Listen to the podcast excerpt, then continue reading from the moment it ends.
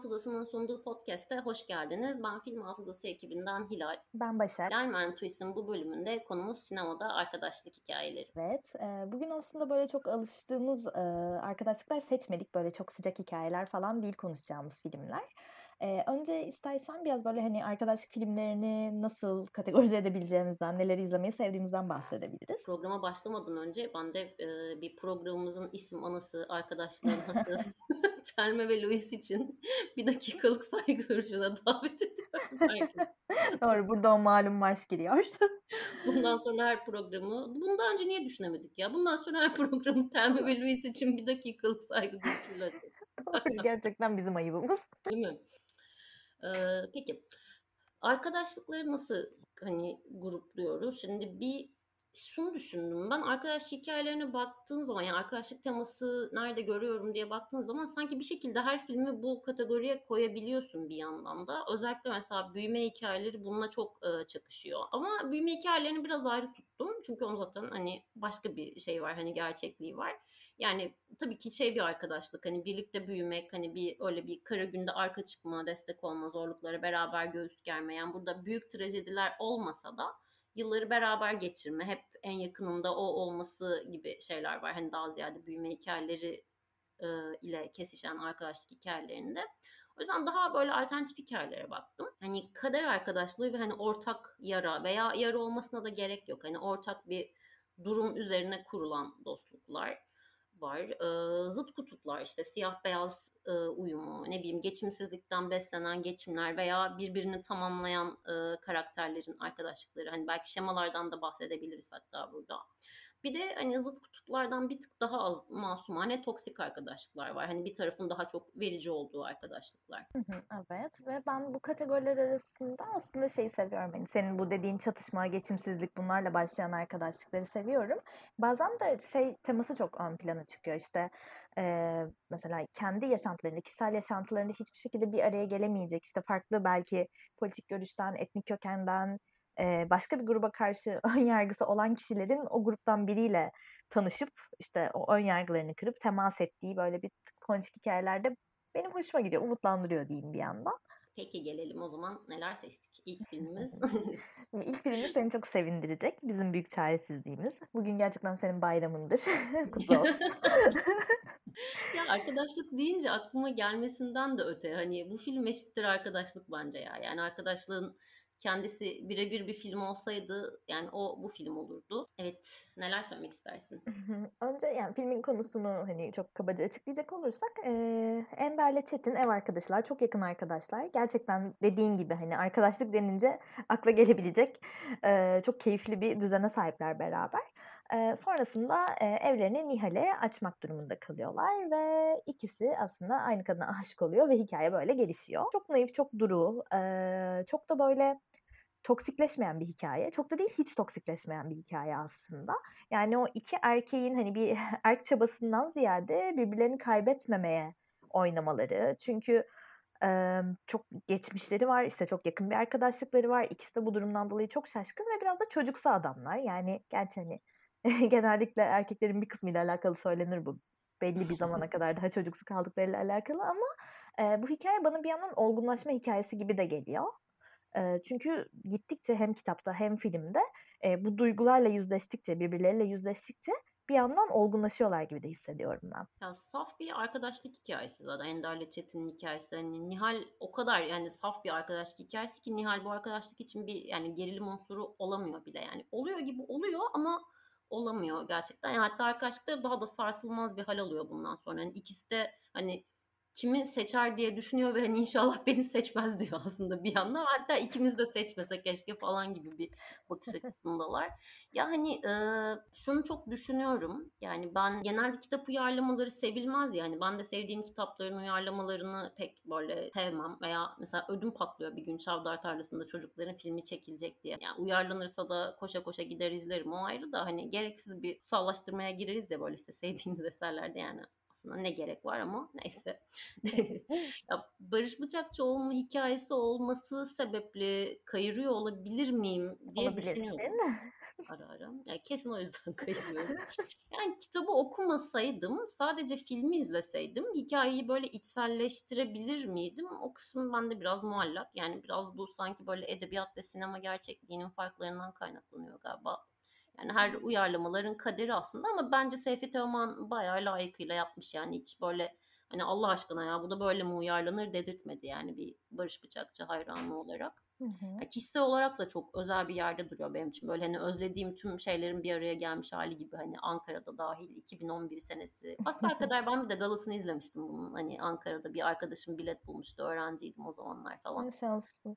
Bu da benim 20'li yaşlar challenge'ına bir katkım olsun. Doğru zaten. Ankara'yı seven son 10 kişiyiz. İkisi burada. Bir tanesi evet. belediye başkanı. ya katılıyorum sana. ben hani kitabı çok seviyorum ve iyi bir uyarlama olduğunu ben de düşünüyorum ama bir yandan ben böyle insanların hayatından bir kesiti anlatan işte doğal, diyalog üzerinden ilerleyen hikayeleri falan epey seviyorum. Burada da böyle birçok filmden bahsetmiştik.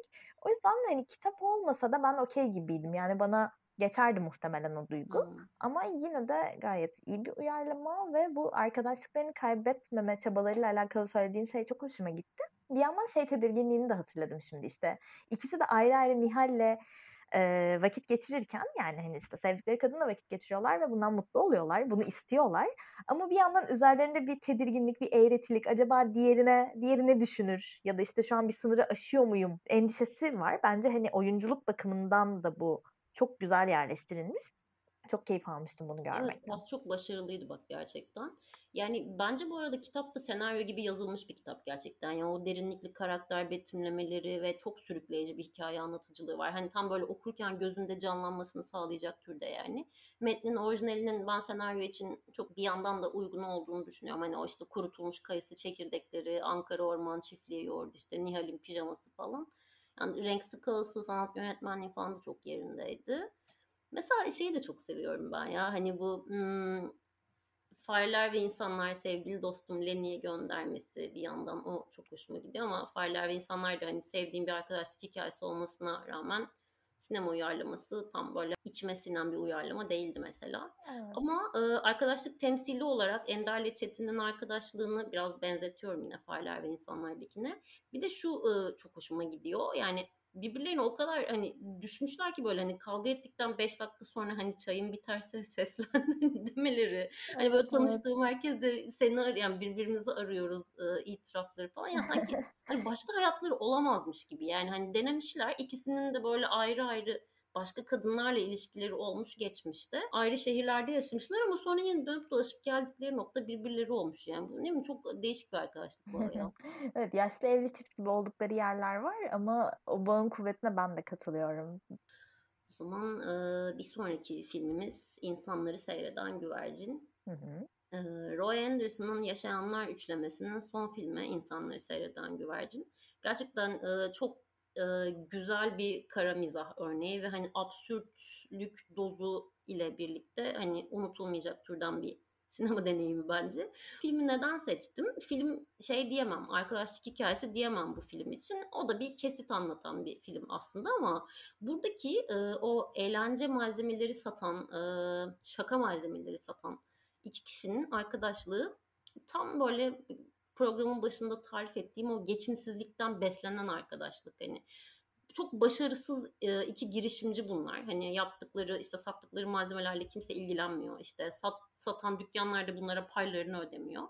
Ve bunlar da hani bu işi yönetme konusunda ultra beceriksizler. Bir de sürekli birbirlerini yiyorlar böyle işte. Sen işte niye bu kadar sinirlisin? Ben sinirli değilim. Sen hassassın. İşte sen de hiç ticaret kafası yok. Asıl sen de yok. Bu fikir senden çıktı falan. Turşu hani... neydi? Limon mu? Sirke mi? Limon mu? Sirke evet evet aynen. Onun arkadaş versiyonu. Ama mesela böyle hani birbirlerini kırdıkları zaman da hani işte ya tekrar arkadaşım olmanı istiyorum. İşte senden başka arkadaşım yok ki benim. İşte hani özür dilerim diyor. Ama işte bana kötü davrandın diyor. İşte ya ama özür diliyorum falan böyle. Ertesi gün yine beraber o malzemeleri satmaya çıkıyorlar. Yani şey dediğim gibi hani film arkadaşlık filmi değil ama temsil olarak o ikisi net aklıma geldi yani.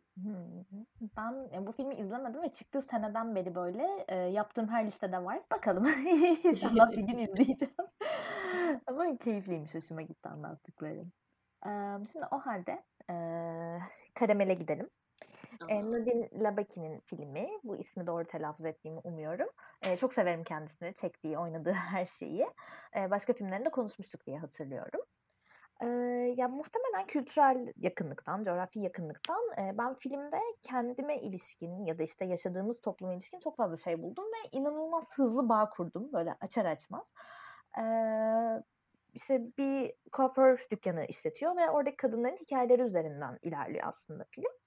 Eee, ve bu kadınlar, hani, biraz, böyle, işte, kültürel etkenler, işte, ataerki vs. bir yandan arkada politik bir arka plan var, değişen bir ülke var ortada. Eee, bunların etkisiyle birlikte, böyle, birbirlerini bir şekilde kolluyorlar, koruyorlar. İşte, eee, hepsinin bir hayatında birileri var ve, işte, bu hayatlarındaki kişilerle görüşebilmelerini kolaylaştırıyorlar birbirleri için. İşte, üzüldüklerinde bir otel odasında, eee, beraber ağlıyorlar. Ne bileyim, bir tanesinin, işte, daha önce biriyle ilişkiye girdiği için evleneceği adamdan bunu gizlemek istiyor ve ona tıbbi bir yardımda bulunmaya çalışıyorlar bir yandan gibi gibi birçok şey var aslında. Eee, ve çok yakın bir yerde duruyor. Yani şeyi hatırlıyorum ben, hâlâ da ara sıra gördüğümüz bir şey. Böyle, o mahalle kuaförlerinin içinde olan biten çok farklı bir dünya. Yani insan hiç öyle hissetmese bile oraya girdiği zaman o muhabbetin bir parçası oluyor. Aynen. ve o ortamın aynısı yani. Türkiye'de neyse, eee, belli ki Lübnan'da da o. O açıdan çok yakın geldi bana. Ya, kuaför salonu çok güzel bir kesişim noktası bence ya. Hani, her profilden ve her psikolojiden insanı görebiliyorsun orada. Hani, böyle, heyecanlı oluyorsun. Mesela, işte, özel günlerden önce bir şey yaptırıyorsan veya, işte, kendini kötü hissediyorsan, atıyorum, işte, saç kestirip kendini iyi hissetmek için gidiyorsun. Ya, oradaki muhabbetler, böyle, hani, çok günlük doğal akışında ve çok doğal. Hani, bu eksende bir hayattan kesit izlemek benim çok hoşuma gitti gerçekten.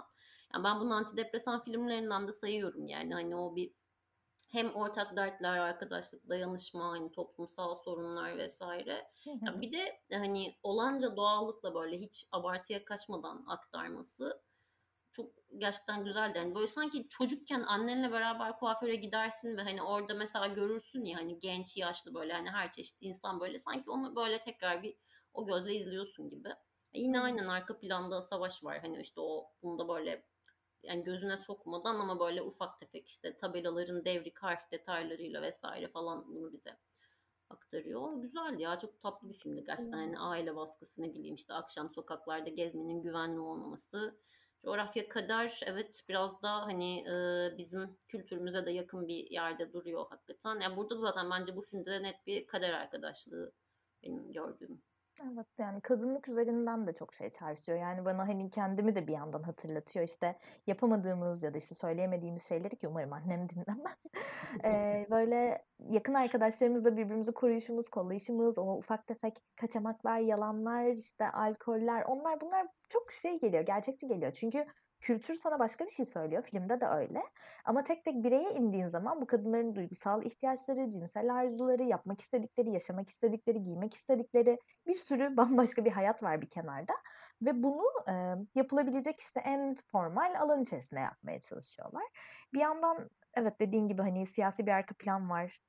Değişiyor ülke ve, eee, zaten, işte, birçok filminde de buna değiniyor ama filmin başında mı sonunda mı hatırlamıyorum. İşte, "Benim Beyrut'uma" diye bir not var ve mesela benim çok içim sızladı onu gördüğüm zaman. Çünkü Evet. kendisi de farkında o, işte, ülkesinin eski, modern, eee, gelişmiş, ne bileyim, işte, bilimsel, seküler ülke olmadığını ve bununla alakalı bir özlemi, bir yası var. Bunu yansıtabiliyor olması çok keyifli geliyor. Bir de, hani, son olarak şunu söyleyebilirim belki, o kuaför salonlarında kurduğun ilişkinin çok terapi odasına benzer bir yanı da var. Hani, terapi de böyledir ya, güvende hissedene kadar hiçbir şeyi doğru düzgün anlatmazsın, öfkeni göstermezsin, ağlamazsın ama orada artık güvende hissettiğinde senin nasıl davrandığını, "Ay, geldin bugün huysuz musun, öfkeli misin?" İşte, atıyorum, eee, sevgilini mi anlatıyorsun, kocanı mı aldattın, ne bunları ne anlattığının, içeriğinin ne olduğunu kimse önemsemeden, yargılamadan dinliyor. Gayet normalleşiyor süreç. Eee, o açıdan bana şey geliyor, çok katartik bir etkisi varmış gibi geliyor o kurulan ortamın. Çok başarılı buldum ve soundtrack çok güzel filmin. Evet. O zaman bir sonraki filme geçelim. Olur. Bir sonraki filmimiz Beanpole. Şimdi, eee, bu filmi aslında konuşmayı, eee, istedim. Çünkü bana çok tuhaf bir bağ gibi geliyor ve programı ya programlarımızı düzenli olarak dinleyenler fark etmişlerdir. Her şeyin toksiğini bulma noktasında üzerimize kimseyi tanımıyorum gerçekten. ben şeyden bir şekilde etkileniyorum. Böyle hani çok zor zamanlarda, travmatik zamanlarda kurulmuş bağlardan etkileniyorum. Çünkü o bağlar aslında başka bir şeye hizmet ediyor. Yani e, bizim bildiğimiz, tanımladığımız anlamda bir arkadaşlık ya da bağlanma ilişkisinden ziyade e, daha aslında iyileşmeye odaklı, birbirinin yarasalarını sarmaya odaklı ve tabii her iki tarafta zedelenmiş olduğu için bunu çok sağlıklı yoldan yapamayan e, bir şeye dönüşmüş oluyor. Beanpole bence bu noktada önemli duruyor. 2019'da böyle hayatımıza şak diye düştü. Hepimiz çok etkilendik vesaire. Sonra bir süre ortadan kayboldu. Şimdi yine e, stream platformlarda yayınlanmaya başladı. E, önce hani şunu söyleyeyim. Bence muhteşem bir sinematografi ve çok iyi bir iç mekan tasarımı var gerçekten böyle işte kırmızı ve yeşil ağırlıklı insanı gerçekten filmin ambiyansı gibi boğan bir ortamdan söz ediyoruz. Ben çok etkilendim. E, baktığımız zaman Ia ve Masha diye iki karakterimiz var aslında ve e, savaştan çıkmış ülke. Leningrad'dalar ve e, savaş yani travma sonrası stres bozukluğundan muzdarip ikisi de aslında. İşte cephede arkadaş olmuşlar. Birlikte bir şekilde birbirlerinin hayatta kalmalarını sağlamışlar hani psikolojik olarak da.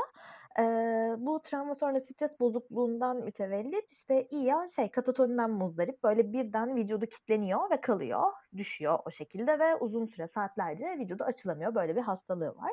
E, ve burada kurulan arkadaşlık dediğim gibi iyileşmek üzerinden ama bir de ortada bir çocuk var. Biz sonradan öğreniyoruz ki, öyle sanıyoruz en başta, çocuk Ian'ın çocuğu değil. Ee, aslında Masha'nın çocuğu. Ee, ama Ia bu katatoni hastalığı sebebiyle bir gün yanlışlıkla çocuğu öldürüyor. Ve aslında Masha bunu öğrendikten sonra iyice bütün travmaların tetiklenmesiyle birlikte çünkü hayata dönmenin bir yolunu biraz da analitik bir yerden yine doğum zannediyor ve e, aslında İya'yı tekrar çocuk sahibi olması için zorluyor. Çünkü kendisi savaşta aldığı yaralar sebebiyle çocuk sahibi olamıyor. E, böyle aslında insanın tüylerini ürperten oldukça toksik bir hikaye. Ama ben hani dediğim gibi e, neye hizmet ettiği bu işte arkadaşlık dinamiklerinin neye hizmet ettiğini düşünmek noktasında oldukça önemli bir yerde buluyorum bu filmi. Ya bana çok ağır geldi ya. Hani baskılayıcı diyemem. Özür dilerim. Yani, baskılayıcı diyemem. Tam o kategoriye girmiyor bence ama biraz zor bir film yani. Çok böyle hani empati kurabileceğimiz karakterler de değil. Evet. Anlayabildiğim bir ilişki biçimi de değil. Ya savaş sonrası stres bozuklukları falan böyle şey yani hani izlerken böyle daral geldi desem yeri yani ama dediğini şey yapıyorum hak veriyorum. Evet değişik bir bağdı yani hani. Arkadaşlık diyebilir miyiz? Tartışılır. Yani bir bağımlılıktır aslında. mı deriz bilmiyorum yani değişik bir bağdı ya. Yani bir, bir şekilde bir çok tuhaf bir ilişki var yani ortada ya haklısın. Nefret etmişsin böyle o şeyden. Klastrofobiden. Yeşil, kırmızı böyle şey tonları hani filmin renk skalası falan böyle bayağı tüm canlı renkleriyle aklımda ama yani filmden hani sevdim diyemiyorum, nefret ettim de diyemiyorum. Şey diyorum beni zorladı yani. Evet. Ama zaten hani çok etkileyici filmleri yani insan zorladığı anlamında etkileyici filmleri böyle çok sevdim diyemiyoruz ya çünkü sevdiğin şey çok tuhaf ve toksik bir şey. Evet, Bunu seviyor olamazsın. evet. Ama unutamıyorsun işte. Ben hani o çocuğun öldü sahneyi unutamıyorum asla. O ay o böyle hani aradaki böyle hıçkırık gibi böyle nefes evet, şeyler evet. falan kulağımda çınlıyor yani. Neyse spoiler vermiş olduk Daha ne kadar vereceğim. Şimdi seni daha fazla rahatsız etmemek adına diğer filme geçebiliriz istersen. Geçelim haydi. Ee, son filmimizde Dönersen Islık Çal. Ben buna bayılıyorum. Gerçekten bu filmi çok seviyorum. Eee, tabii ki, işte, çekildiği dönem itibarıyla birtakım bilimsel olmayan gerekçeler verebiliyor bize. Hatta en başında bunu söylemek bence bir sorumluluk gibi bir yandan. Biz de böyle bir arkadaş grubuyla izlemiştik. Herkes bana dönüp şey dedi, "Ya, işte, çocukluk çağındaki istismarlar falan insanı, hani, kesinlikle, işte, eşcinsel ya da transseksüel mi yapar?" falan. İşte 90'ların bilgisinde, 90-90'ların tıp bilgisinde bu böyleydi. Ama tabii ki öyle bir durum söz konusu değil. Eee, ama bu yanlış yönlendirmeyi bir kenara bırakırsak ben bayılıyorum bu filme. Eee, şöyle aslında Fikret Kuşkan'ı ben çok severim. Yani oyuncu olarak çok başarılı bulurum. Bana kalırsa izlediklerimin arasından hani kariyerinin en iyi performansı bu. Eee, filmdeki karakterlerin adı yok. Eee, işte travesti diye geçiyor. Fikret Kuşkan hani eee bir yandan seksistliği yapıyor. Evet işte cüce hani pezevenk falan böyle karakter isimleri var. 90'lar gerçekten. Tam 90'lar Beyoğlu. Hatta Twitter'da çok dolanıyordu bu, işte, üniversitedeki arkadaşlarıma, aileme tanıtıyorum diye bu filmin jeneriğini koyuyorlardı falan, olağanüstü. Ha, değil mi? Jenerikte öyle geçiyordu Evet, evet. Böyle geçiyor. Eee, aslında film, yani, eee, toplumun tamamen dışlanmış 2, eee, tiplemesi üzerinden diyeyim. Eee, bir transseksüel bir birey ve, eee, bir cücenin arkadaşlığına odaklanıyor. Yani, ancak Beyoğlu'nda bir araya gelebilecek bir ikili bunlar. Eee, işte, cüce bir barda çalışıyor, cüce olarak adlandırılan karakter, eee, ve bir gün yanılmıyorsam biraz geçti üzerinden, yaralanıyor mu, bir şey oluyor ve, emm, Fikret Kuşkan'ın oynadığı karakterin evine gidiyor. Eee, ve zaten, hani, ciddi anlamda fobik bir tutum içerisinde en başta ama sonrasında çok yakın bir bağ kuruyorlar ve aslında o normatif anlayışa, böyle, beraber meydan okuyorlar. Yani, o filmin sonunda el ele tutuşup beraber yürüdükleri o görüntü asla aklımdan çıkmıyor benim. Evet. Bu benim, eee, zamanında izleyip, böyle, çok da anlam veremediğim, yetişkin aklımla hakkını vererek izlemediğim filmlerden bir tanesi. Tam, öyle, yani, o kadar, böyle, hani, özlemini ve sevgini o kadar güzel dile getirdin ki ben de bir 90'lar sineması özlemi çektiğim bu günlerde izleyebilirim tekrar. Bence Ben de çok bu güzel olur. türden mesela Eşkıya'yı örnek verebilirdim. Hani, normal zamanda yollarının kesişmesi pek mümkün olmayan, hani, 2 kişinin bir şekilde Beyoğlu'nda yakın, yani, o, böyle, eee, dokuda bir yerde karşılaşması ve, hani, zıtlıktan beslenen veya, hani, ortak bir durum üzerine filizlenen dostluk hikâyesi, o geldi benim de aklıma şimdi.